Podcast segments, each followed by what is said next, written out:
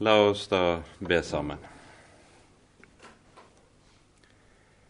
Kjære gode Herre og Hellige Far.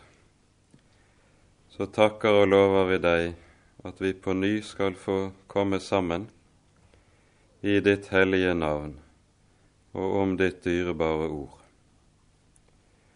Takk, Herre, at du i ditt ord er til stede hos ditt folk, og der har lovet å møte oss, der har lovet å åpenbare ditt hellige navn for oss, og der har lovet å vise oss din egen sønn, så vi i ham skal få eie frelsen, og ved ham få lov til å ha alt vi trenger til liv og salighet. Kjære gode Herre, nå ber vi at du vil være hos oss denne kvelden. Vi ber at du vil sende din Hellige Ånd og åpenbare dine ord for oss, så vi kan få se lys i ditt lys. Herre, ta deg av oss og gi oss den stillhet som er slik at du selv får oss i tale. Herre, kom du. Amen.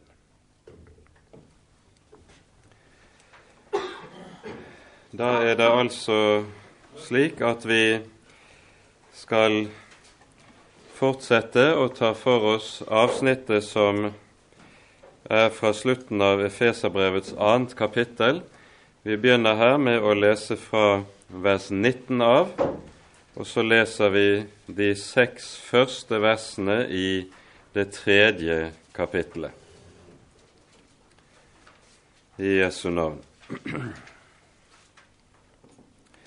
Så er dere da ikke lenger fremmede og utlendinger, men dere er de helliges medborgere og Guds husfolk dere som er bygget opp på apostlenes og profetenes grunnvoll, mens hjørnestenen er Kristus Jesus selv, i hvem hver bygning føyes sammen og vokser til et hellig tempel i Herren, i hvem også dere bygges opp med de andre til en Guds bolig i Ånden. Derfor bøyer jeg mine knær jeg, Paulus, Kristi Jesu fange, for deres skyld, dere hedninger. Om dere ellers har hørt om husholdningen med den Guds nåde som er meg gitt for dere, at Han ved åpenbaring har kunngjort meg hemmeligheten, således som jeg ovenfor har skrevet med få ord, hvorav dere, når dere leser det, kan kjenne min innsikt i Kristi hemmelighet, som i de forrige tidsaldre ikke er blitt kunngjort for menneskenes barn, således som den nå er åpenbart for Hans hellige apostler og profeter i Ånden, at hedningene er medarvinger og hører med til legemet og har del med i løftet i Kristus Jesus ved evangeliet. Amen. Sist gang, da vi var samlet rundt Efeserbrevet, da leste vi sammen avsnittet som begynner med vers 11, og som altså munner ut her i vers 19 og vers 20 og der Paulus behandler dette at hedningene har fått del med det jødiske folk i hele Guds velsignelse og hele Guds fylde. Og at det skillet mellom jøde og hedning som den gamle pakt etablerer, og som skapes ved loven, den skillemuren, den brøt Jesus ned da han døde på korset. Og idet skillemuren brytes ned, blir jøder og hedninger ved Kristi død et nytt gudsfolk. Og I tråd med dette så er det flere av kirkefedrene som faktisk taler om den kristne menighet som det tredje folket, der hedningene utgjør så å si det ene folk, jødene det annet, og så kristen, den kristne menighet, det er det tredje folket. Det er en helt ny enhet, en helt ny størrelse, som er skapt i og ved Jesu død på korset. Og Med det som her sies, så ser vi allerede eh, konturene av noe som Paulus senere kommer tilbake til i Efeserbrevet, nemlig at enheten mellom de troende, enheten i Guds folk, det er noe vi eier i kraft av Jesu død på korset. Enheten er altså ikke noe som er opp til oss mennesker å skape eller etablere, men det er noe som er gitt i og med Jesu død på korset, og som hører med til en av de avgjørende fruktene av frelsen.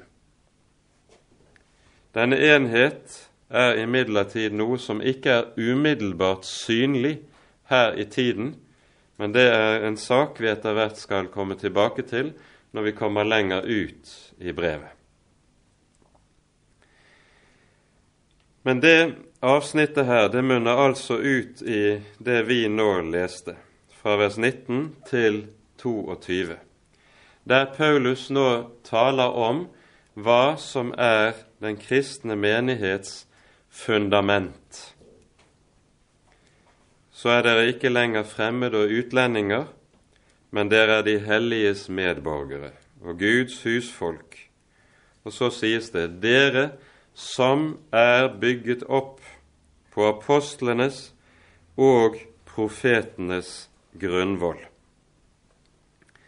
Med dette så peker Paulus på grunnlaget som den kristne menighet altså står på. Med apostlenes og profetenes grunnvoll menes det høyst sannsynlig den gamle og den nye pakts hellige skrifter. Det er ikke apostlenes personer eller profetenes personer som er fundamentet som vi er bygget på, men det er deres budskap som er overgitt oss gjennom de hellige skrifter, og som vi altså har i Det gamle og Det nye testamentet. Når det da er slik at apostlene nevnes før profetene, dvs. Si Det nye testamentets åpenbaring nevnes før Det gamle testamentets åpenbaring, så er det noe som er ganske bemerkelsesverdig, og som vi skal tenke igjennom. For slik som Det nye testamentet tenker om det gamle, så er det jo rett og slett slik at det er Det gamle testamentet som er den grunnleggende hellige Skrift. Det nye testamentet, det er i sammenheng med det gamle å anse som to ting.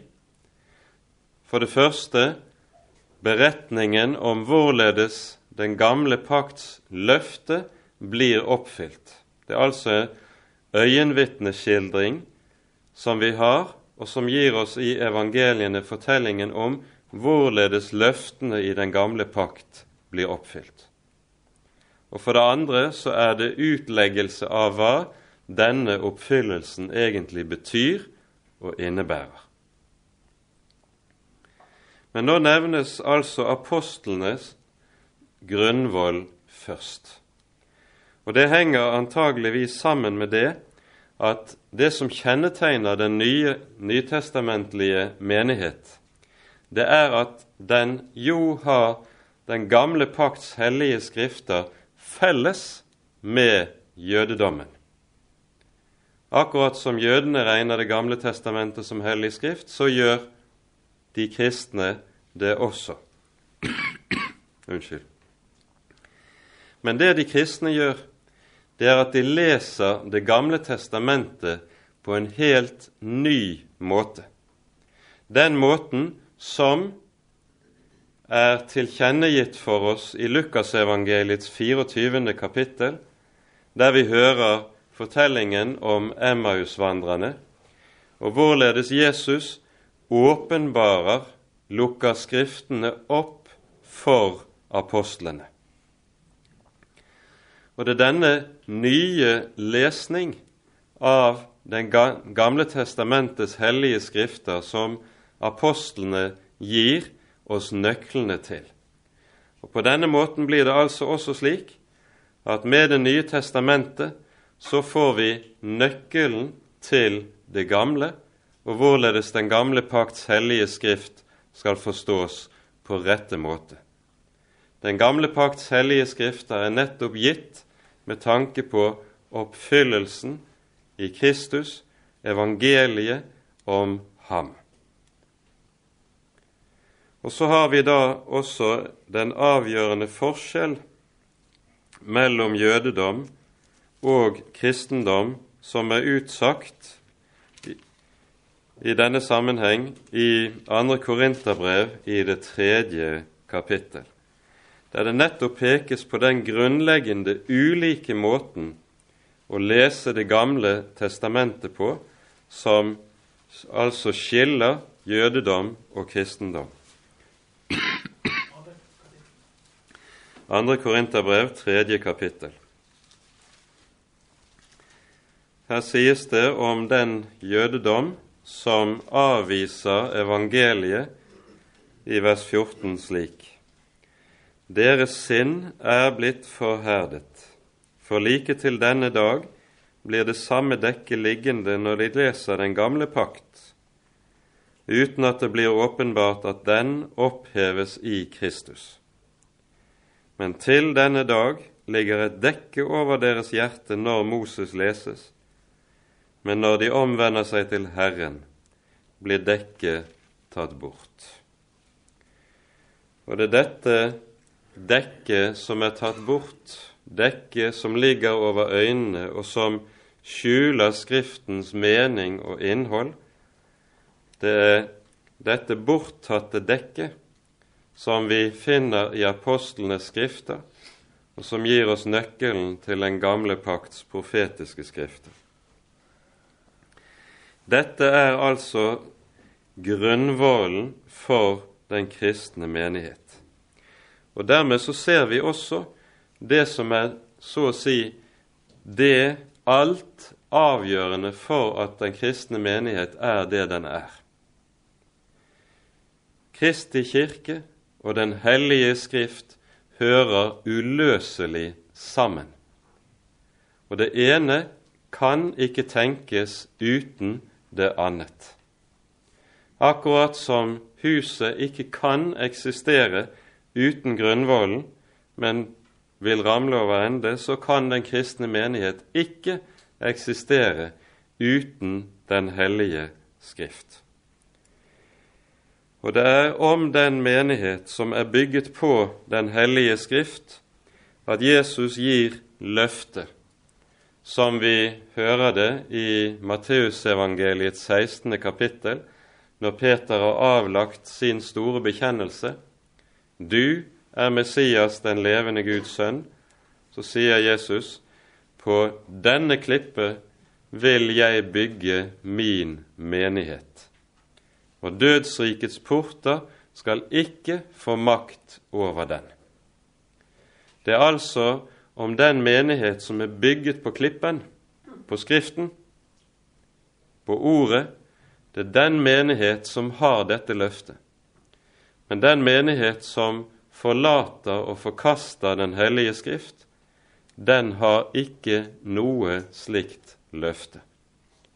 Og det er viktig at vi er klar over begge sidene i denne saken.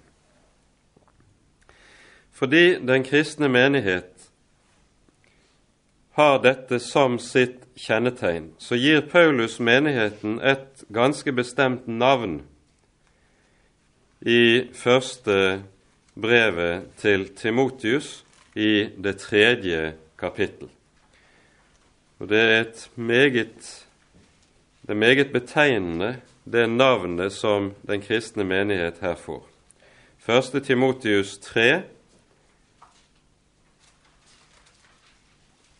Her leser vi vers 14 og 15.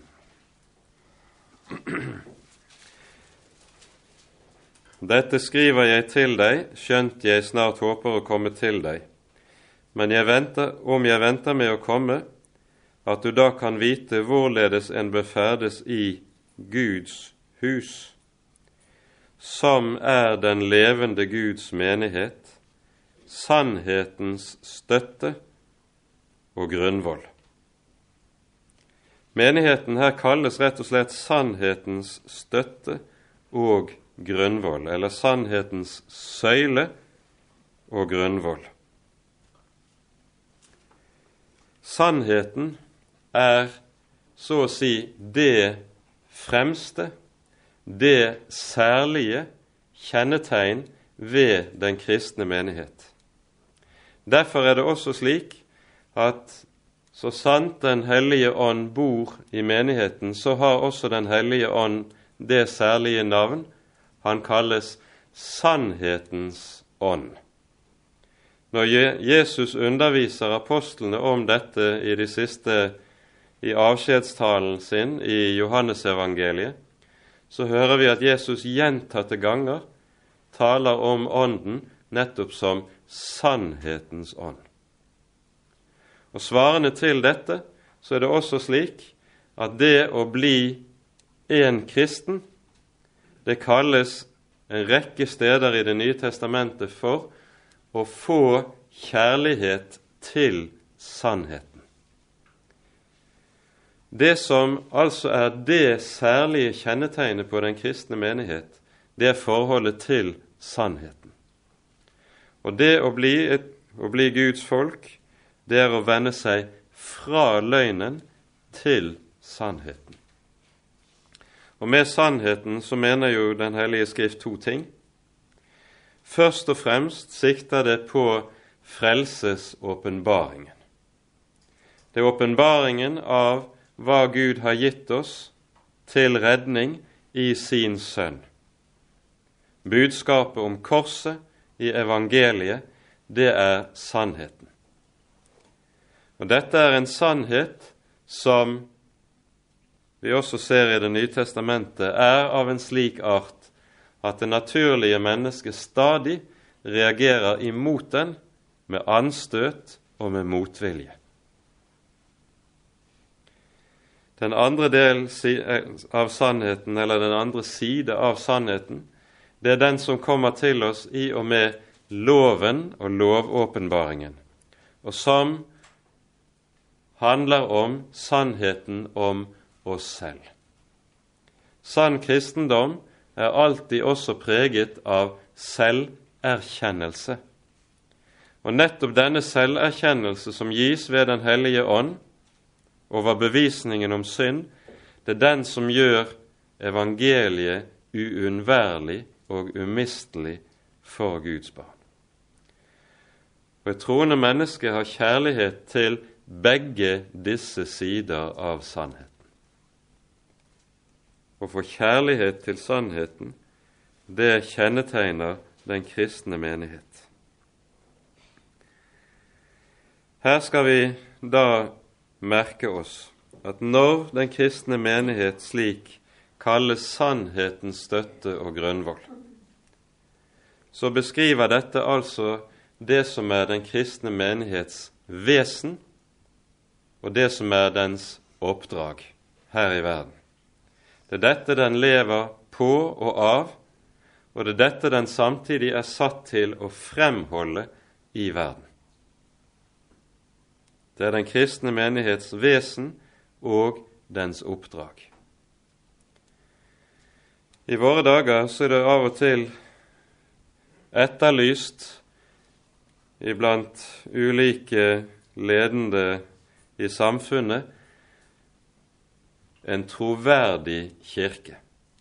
Og Det som jeg gjerne da får høre, det er at Kirken er troverdig bare hvis den har et budskap som er i tråd med det moderne mennesket oppfatter som viktig og vesentlig. Dersom Den kristne kirke ikke på den måten er relevant, så er den heller ikke en troverdig kirke. Men her ser vi at Det nye testamentet taler helt annerledes. Den kristne menighet er troverdig utelukkende i kraft av at den står på grunnvollen og holder fast på det ord som er oss overgitt fra apostler og profeter. Gjør den kristne menighet ikke det, så går den over til å bli det som Martin Luther kalte for løgnkirken. Og Da kan den være hvor troverdig den være vil i det moderne menneskets øyne. I Guds øyne er og blir den da løgnkirken. Den kristne kirke er satt til dette og lever på dette, på apostlenes og profetenes grunnvoll. Så sies det samtidig her at hjørnestenen er Kristus Jesus selv. I og med at dette sies, så pekes det på en bestemt side ved eh, datidens byggeteknikk. Hjørnestenen var en stor sten som lå i, ved hjørnet av huset, der veggene fra to kanter møttes. Og så hvilte liksom de to veggene på den samme hovedhjørnesten. Og at veggene skulle bli stående skikkelig, var betinget av at denne stenen, hjørnestenen, lå skikkelig fundamentert og var ordentlig lagt. Uten denne, eller hvis denne går i oppløsning, så vil veggene også falle fra hverandre. Det er mulig at Paulus når han bruker dette uttrykket om Jesus i denne sammenheng, så kan han tenke på rett og slett de to som er føyet sammen ved evangeliet, nemlig jøder og hedninger. Det er to vegger i tempelet, så å si, som møtes og blir, kommer sammen og blir ett der på hjørnesteinen. Men det som dog ligger bakom eh, rent saklig her, det er jo at her anvender Paulus et uttrykk som i Det gamle testamentets Messias-profeti ofte brukes om den lovede frelser. Og Her vil vi peke på særlig to viktige steder.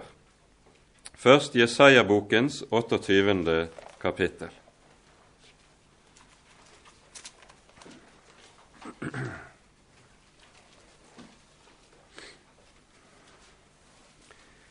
Her leser vi slik i vers 16.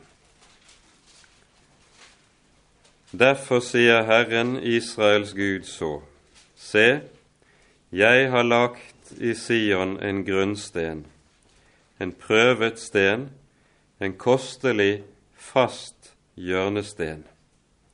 Den som tror, haster ikke. Og slik er Herren Jesus hjørnesten. Det andre viktige stedet som ligger bakom her, det er Salme 118, der vi leser slik i det 22. verset. Den sten som bygningsmennene forkastet, er blitt hovedhjørnesten. Og Dette ordet er jo et ord som Jesus selv siterer i en av sine stridssamtaler med fariseerne for å gi til kjenne at selv om de som er folkets ledere, forkaster ham, så vil nettopp denne deres forkastelse innebære at Gud gjør ham til hovedhjørnesten. Og det er det som er underet i Jesu død. Nettopp forkastelsen gjør ham til hjørnesten.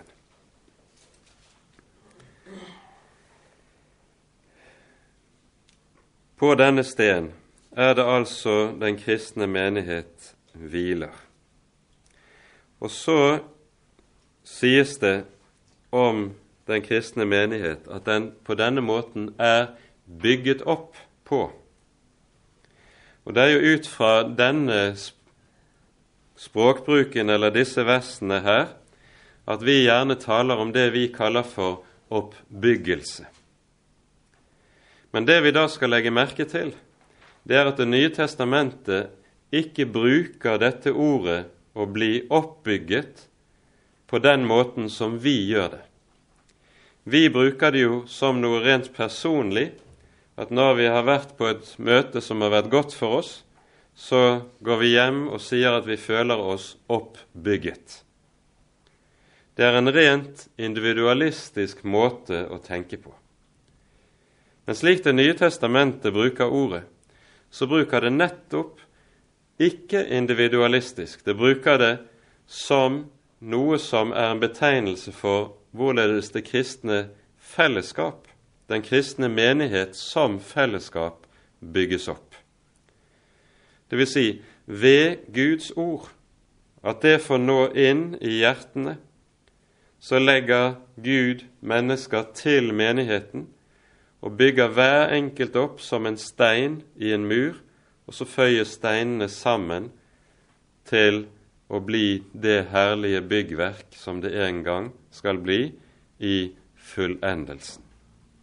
Her kan vi minne om det som står i 1. Peters brev i det annet kapittel.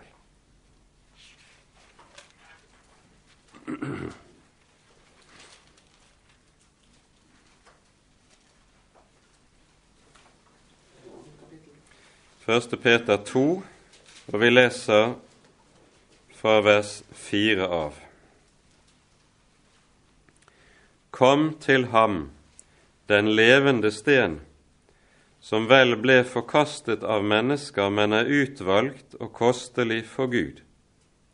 Og bli også dere oppbygget som levende stener til et åndelig hus, til et hellig presteskap, til å frembære åndelige offer som tekkes Gud ved Jesus Kristus. For det heter i Skriften:" Se, jeg legger i Sion en hjørnesten, utvalgt og kostelig. Den som tror på ham, skal ingenlunde bli til skamme. Her er det altså slik at det nettopp er tale om hvorledes de troende føyes sammen, og slik reiser Gud et byggverk. Dette uttrykket 'levende stener' er jo et underlig uttrykk. Men det er de som kjenner semittisk språk, som har ment at det nettopp går tilbake til et særegent uttrykk som man har i noen semittiske språk, der en levende sten nettopp skiller seg fra en død sten i det en død sten det er en stein slik som du finner den ute på marken. Den er uformelig, den egner seg ikke til å bygge en mur av. Men når du hogger den til, sånn at den høver inn i en mur, da kalles den i noen semittiske språk nettopp for en levende sten. Og Det er jo det Gud gjør ved omvendelsen og gjenfødelsen. Da hogger Han oss til og så føyer han oss inn i byggverket og bygger oss opp med hverandre. Ordet oppbyggelse peker altså på hvorledes menigheten dannes og bygges. Og så det siste vi skal legge merke til i det som her sies, det er hvem som er subjekt i byggingen det er Herren selv som bygger. Det er ikke mennesker. Det er Herren som er byggmester, og Jesus selv sa jo uttrykkelig, sånn dere husker vi siterte fra Matteus 16, på denne klippe vil jeg bygge min menighet. Det er Jesus som bygger den kristne kirke. Og hvorledes gjør han det? Det gjør han ved sitt hellige ord og ved sin hellige ånd. Og der ordet får lov til å bli tatt imot og bli trodd, og vi i fellesskap bøyer oss for dette ord og tar det til hjertet, der bygger Han. Det er ordet som gjør verket. Og Herren gjør ved sin ånd altså dette med og i sitt ord. Og så sies det altså i hvem hver bygning føyes sammen og vokser til et hellig tempel i Herren. I hvem også dere bygges opp med de andre til en Guds bolig i Ånden. Dette er den nye pakts tempel. Tempelet, det er den kristne menighet. Og hva er det som kjennetegnet tempelet i den gamle pakt? Det er nettopp det at tempelet, det er stedet for Herrens nærvær i sitt folk. Og Her må vi peke på et viktig avsnitt i Andre Mosebok i det 29. kapittelet.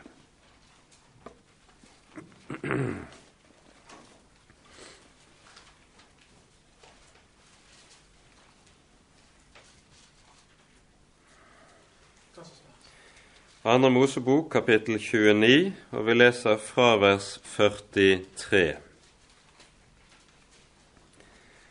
Der vil jeg komme sammen, altså i det aller helligste i tempelet, er det det taler om.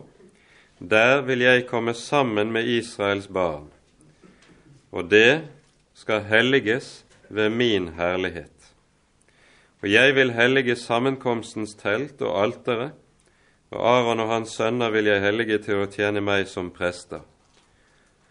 Og jeg vil bo midt iblant Israels barn, og jeg vil være deres Gud, og de skal kjenne at jeg er Herren deres Gud, som førte dem ut av Egyptens land, for å bo midt iblant dem. Legg her merke til, i det siste verset vi leste, at hensikten med utfrielsen av Egypt, den består i at Gud nettopp vinner seg et folk for å bo der. Han vil selv bo i folkets midte. Og hva er det han vil bo i, midt iblant dem i kraft av? Det som er betegnende, er i denne sammenheng at i kapittel 20 til og med kapittel 23 så hører vi at Gud åpenbarer loven. Du skal, og du skal ikke.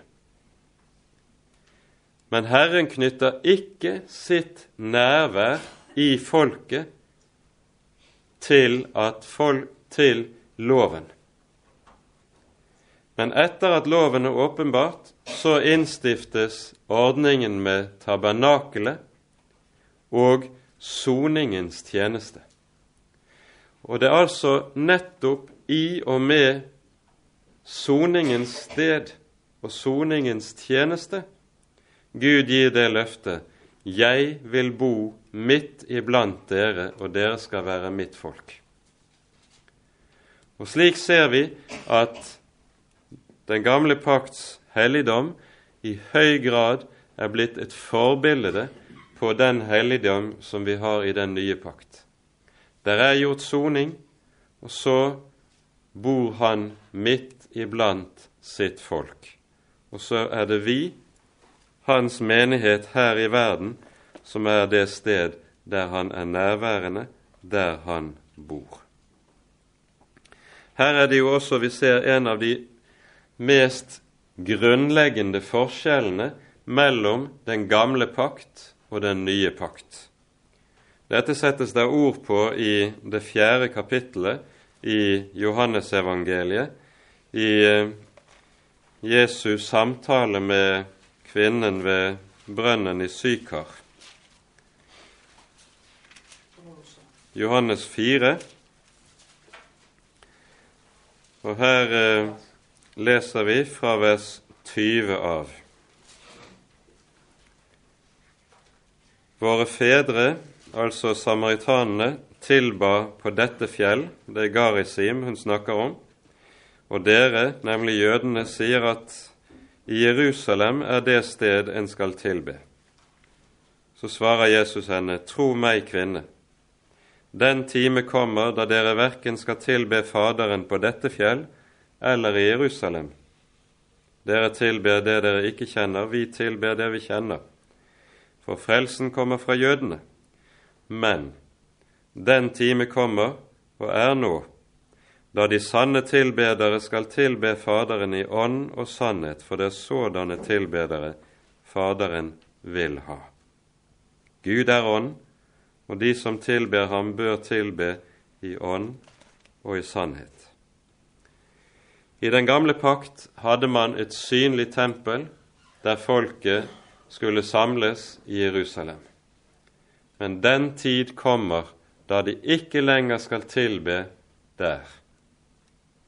Men det blir en annen slags tilbedelse, og så erstattes den gamle pakts tempel av det som er tempelet i den nye pakt, og det er nettopp den kristne menighet. Der vil Herren bo. Herrens helligdom er hans menighet.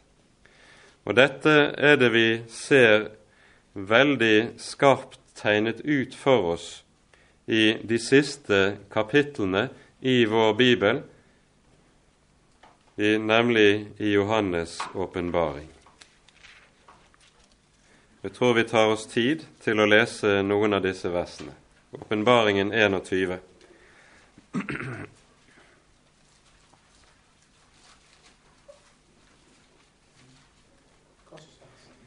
Vi leser først fra vers 1.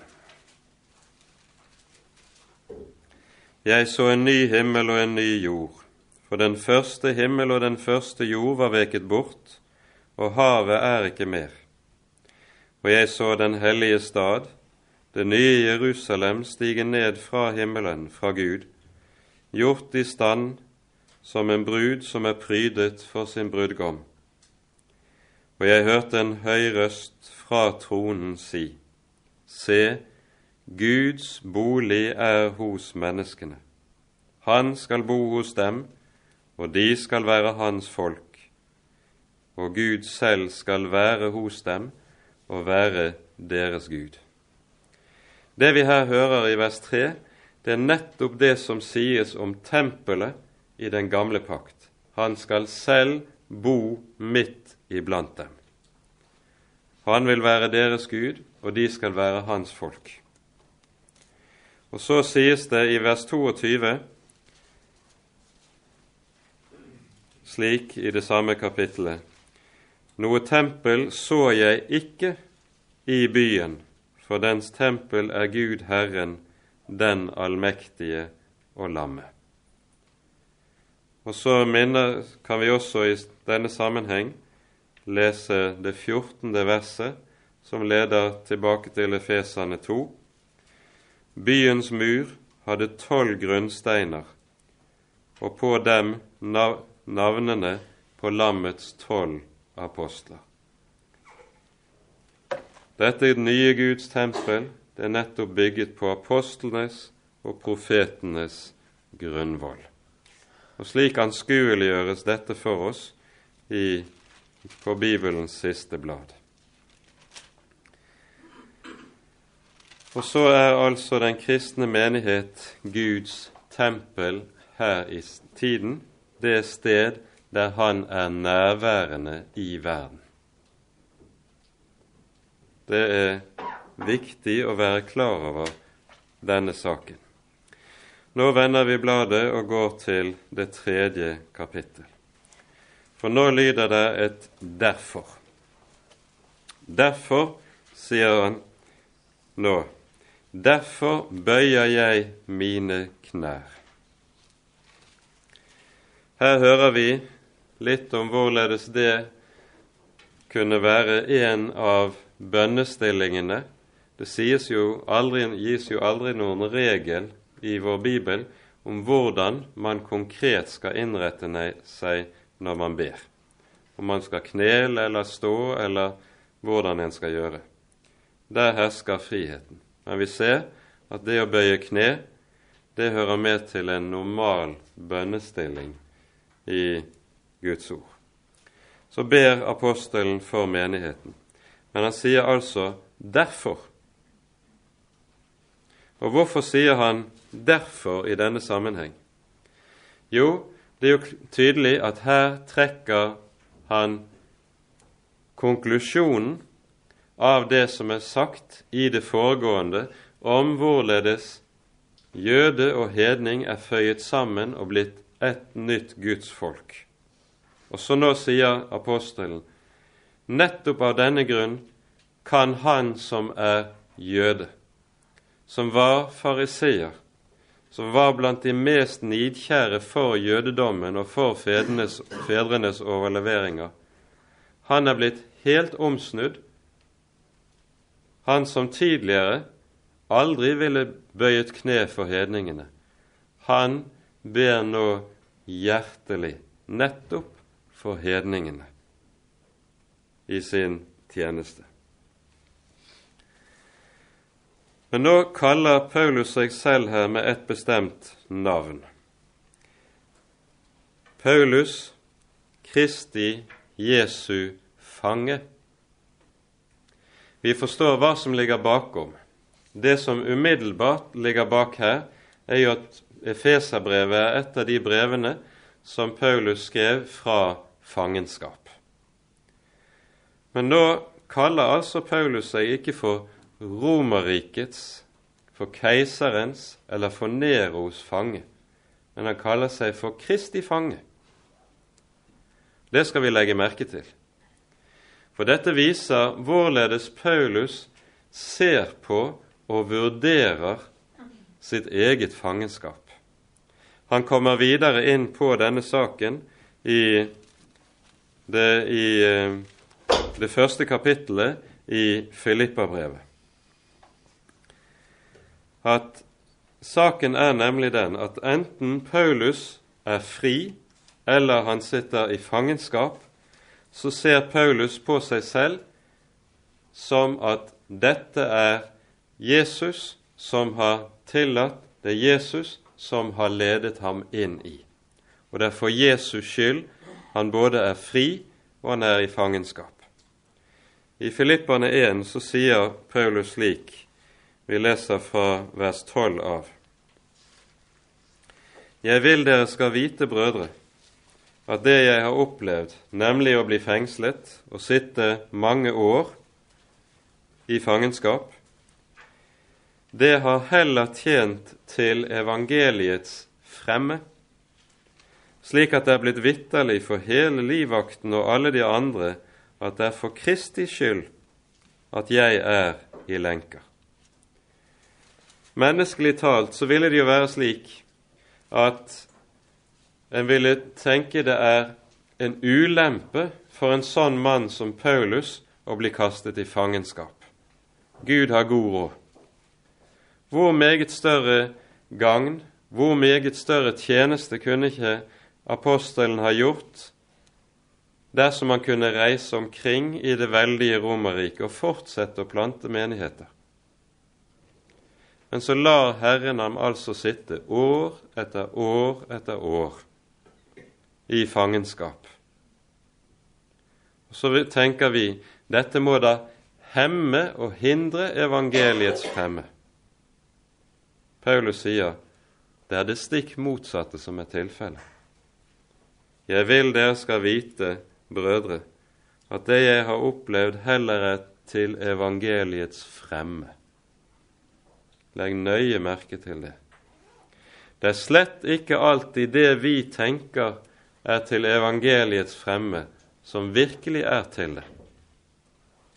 Ofte arbeider og tenker Gud på en helt, helt annen måte enn det vi synes både er fornuftig og rimelig.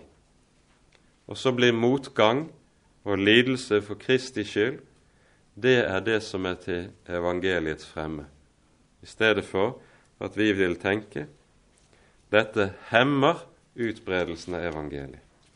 Sånn tenker den menneskelige fornuft, men Gud tenker altså annerledes. Og Derfor er det også at Paulus kan si i 2. Timotius brev, når han taler om samme sak Vel sitter han i lenker, men Guds ord er ikke bundet. Det har fritt løp.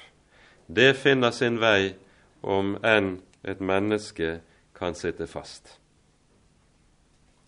Og dette skal lære oss stor grad av frimodighet i forhold til vansker som vi møter for evangeliet og for ordets forkynnelse. Det som menneskelig talt fortoner seg som vansker, det kan godt hende at det etter Guds råd nettopp tjener til fremme for evangeliet. Paulus er altså Kristi Jesu fange. Og det er for Paulus sitt vedkommende en ærestittel. Nå kan det også muligens ligge noe annet bakom dette uttrykket, nemlig det som Paulus taler om i det fjerde kapittelet her i Efeserbrevet, der han eh, taler om det Herren Jesus gjorde i og med sin himmelfart. Her sies det slik nemlig i vers 8. Derfor sier Skriften, Han for opp i det høye, bortførte fanger og ga menneskene gaver. Altså, de gavene han gir menneskeheten, det er de fangene som han har tatt. Og hvem disse gavene er, det sies så i det ellevte verset. Det er Han som ga oss, noen til apostler, noen til profeter osv. Det er også mulig at dette ligger bakom det uttrykket som vi her ser hos Paulus. Men det får ligge. Han bøyer kne for hedringene, om de ellers har hørt om husholdningen med den Guds nåde som er ham gitt, for dem.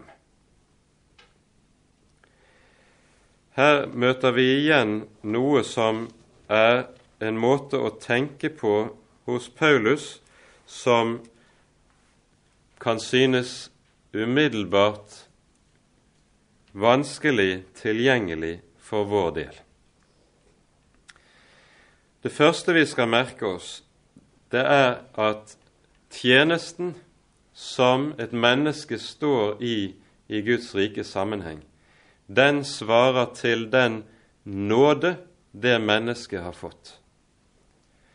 Et menneske tjenestens betydning svarer nøyaktig til den nåde som er et menneske gitt.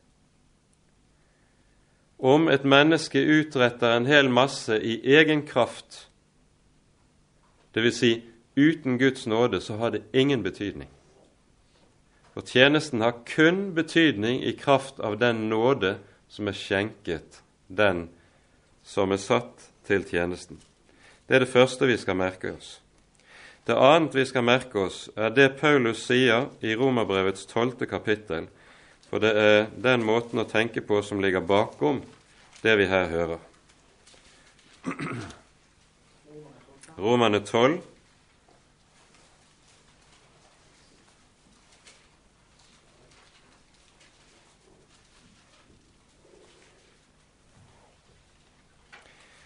Her står det sånn, først leser vi vers 6 da vi har ulike nådegaver, alt efter den nåde som er oss gitt. Legg merke til dette uttrykket.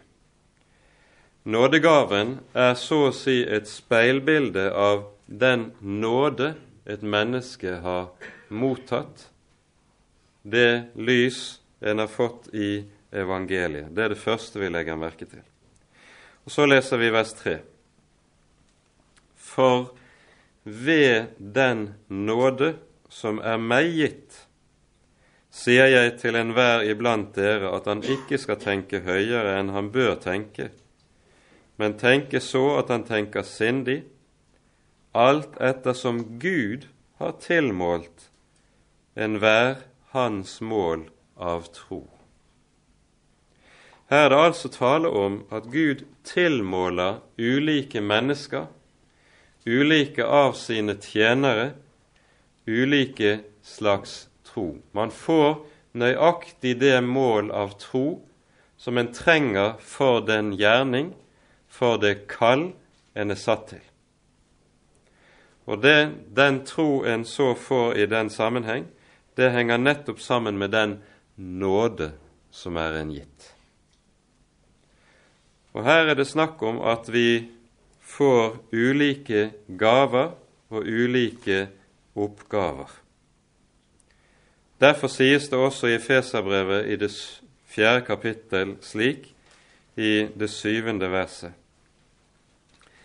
Hver og en av oss er nåden gitt etter det mål som Kristi gave tilmåles med. En får altså nåde svarende til den plass, det kall og den gjerning Herren har tiltenkt en.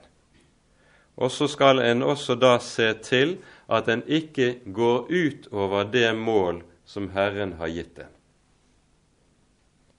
For nettopp med dette, at Herren også setter grenser for vårt mål, så ligger det i det en stor hvile. Nemlig friheten fra å skulle løpe hit og dit og tenke at slik som vi altfor ofte kan høre det i våre dager, at en skal bare løpe overalt. Nei, en skal få lov til å tenke 'Jeg har fått mitt kall, min gjerning, og så skal jeg være tro der jeg er satt', etter det mål jeg er tilmålt. Og Det er dette som måten å tenke på som ligger bakom det Paulus her sier i Vestro. Om dere ellers har hørt om husholdningen med den Guds nåde som er meg gitt for dere. Han har nemlig fått en bestemt husholdning av Gud, som han er satt til å ivareta. Og Denne husholdning handler om meget av det samme som de som har fått ordets tjeneste i øvrig, skal ivareta, og som Jesus setter ord på i Lukasevangeliets tolvte kapittel.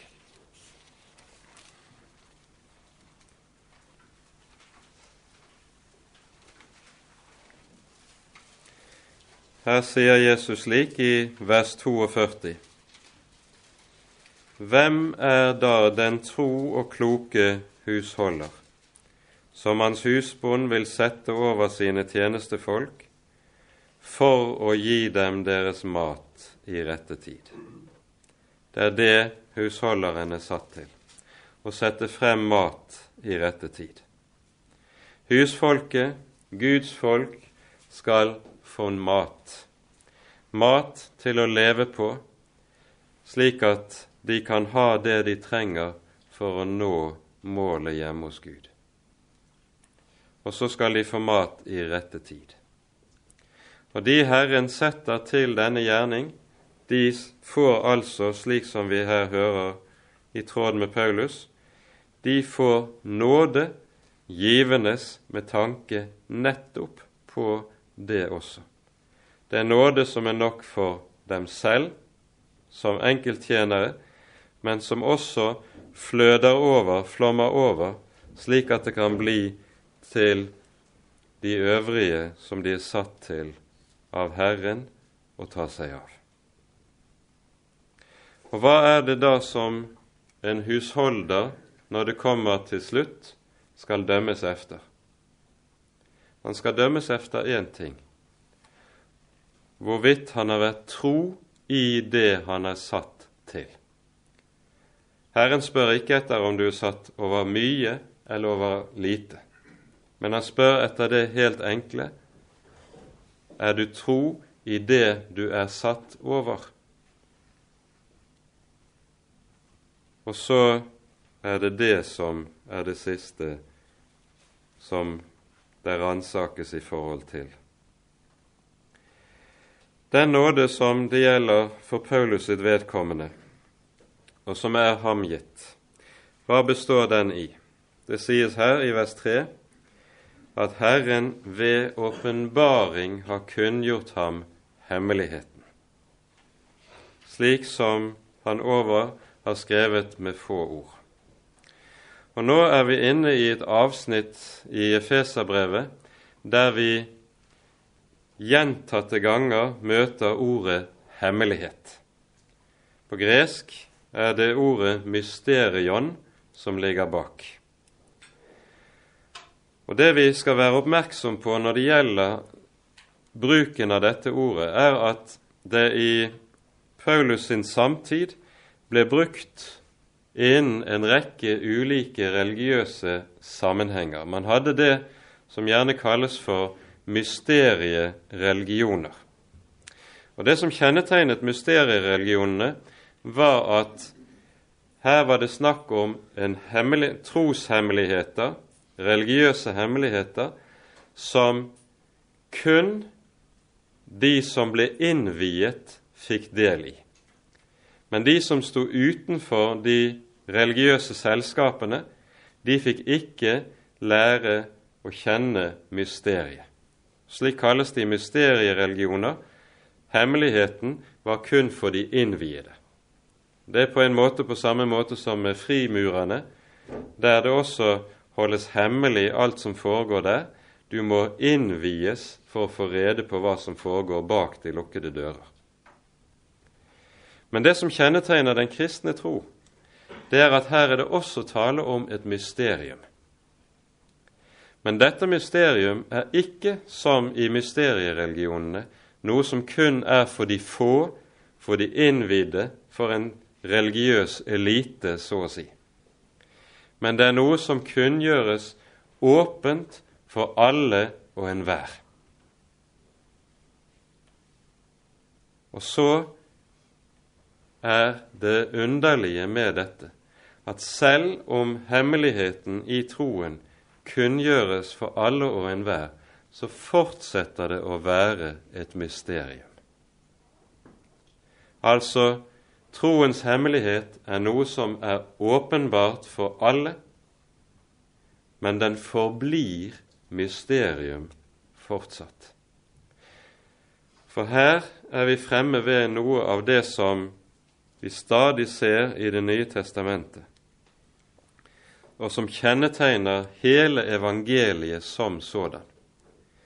Evangeliet er nemlig aldri noe som man kan, som du kan ha og beherske og liksom ha i lommen. Du har hørt det en gang, og så kan du det. Slik er ikke evangeliet. Men evangeliet er av en slik art at du er nødt til å høre det på ny og på ny for å bli bevart i det. Det må liksom åpenbares om igjen og om igjen for deg. Og om du hørte det for en uke siden, så kan du liksom ikke leve på det du fikk for en uke siden. Du må få det om igjen for å kunne leve. Det er en hemmelighet som mennesket aldri kan beherske men som stadig må gis om igjen og om igjen. Og Derfor er evangeliet nettopp mysterium. Dette kalles her i Efeserbrevet for troens hemmelighet, eller Kristi hemmelighet, i vers 4. Og med det uttrykket så mener Paulus rett og slett og ganske enkelt den hemmelighet som Kristus er opphav til, og som Kristus er. Hemmeligheten er dypest sett Herren Jesus selv. Det er Han selv, med alt hva Han er og har gjort for oss, det er Han selv som må åpenbares for hjertene. I Kolosserbrevets annet kapittel sies dette like ut. Det er Jesus som er hemmeligheten.